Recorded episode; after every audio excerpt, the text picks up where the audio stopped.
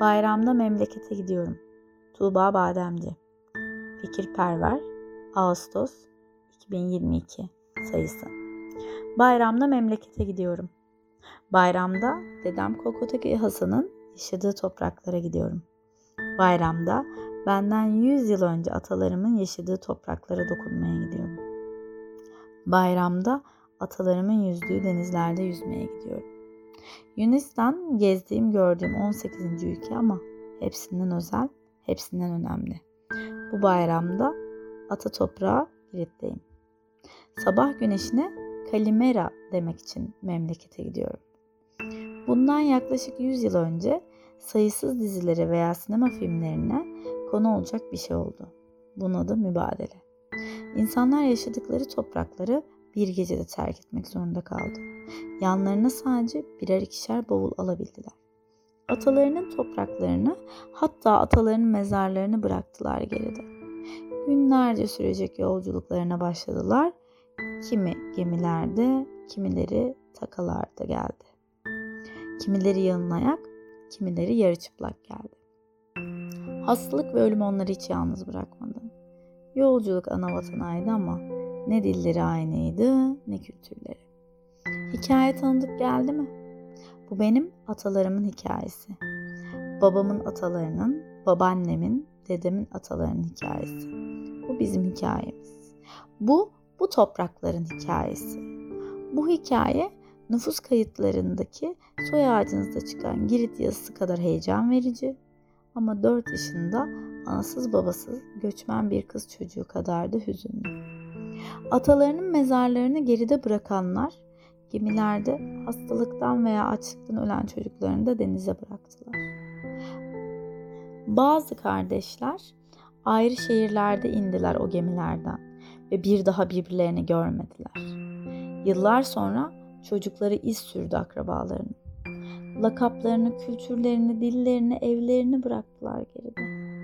Ana vatanda ne yerli ne göçmen olabildiler.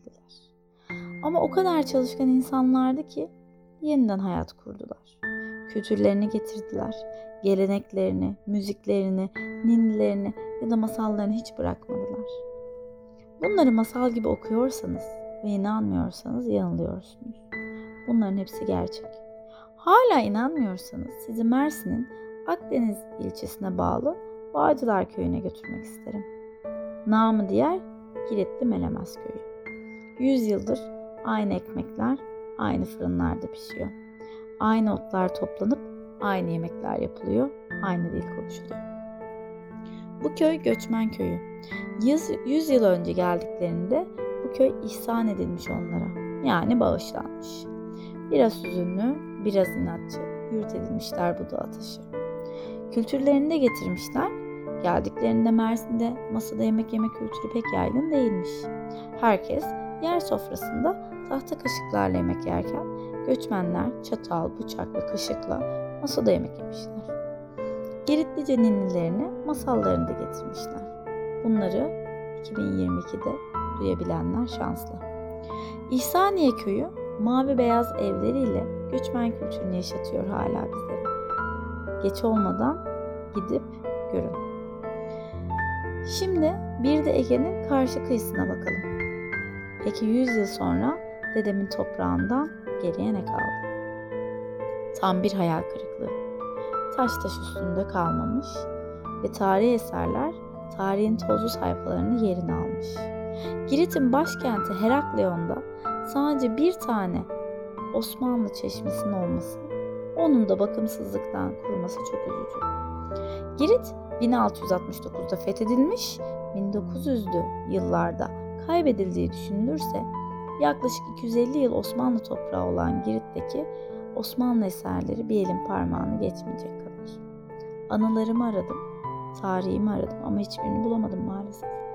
Her geçtiğim sokakta bir cumbalı ev aradı gözüm ama hiç görmedim. Osmanlı'dan önce var olan Cenevizliler ve Venediklilerin eserleri süslerken Girit'i atalarımın izleri silinmiş. Memleket havası alıp dönme hevesiyle geldiğim Girit'ten bir tutam hüzün, bir tutam hasretle döndüm. Doğup büyüdüğüm topraklara. Ne kaldı derseniz sende, ihsan edilen toprakların aynı Girit gibi zeytin ağaçları ve üzüm bağları ile yeşertilmesi kaldı. Girit'te baktığım her bağda, Girit'te baktığım her zeytin ağacında İhsaniye köyümü görmem kaldı geriye. Atalarımın kendilerine daha bizden ve daha içten bir yurt edinmesi kaldı geriye. Hoş gelmişler. Hoşça kal Girit. Adio Girit'im.